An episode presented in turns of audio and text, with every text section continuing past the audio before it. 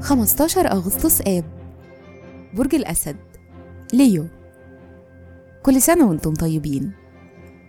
الصفات العامة للبرج الرفيع المشرف الطفل المبدع الفنان والمحب.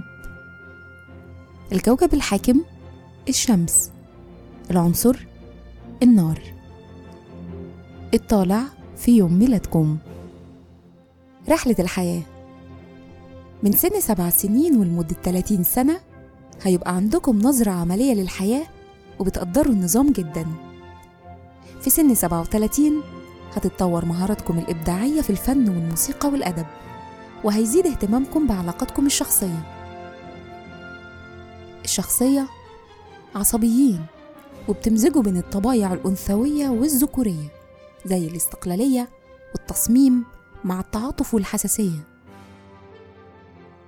أفضل وقت ليكم لما بتتسموا بالتواضع والمحبة. مهرة العمل المبيعات والتسويق المسرح وإلقاء المحاضرات دي أهم المجالات اللي بتنجحوا فيها.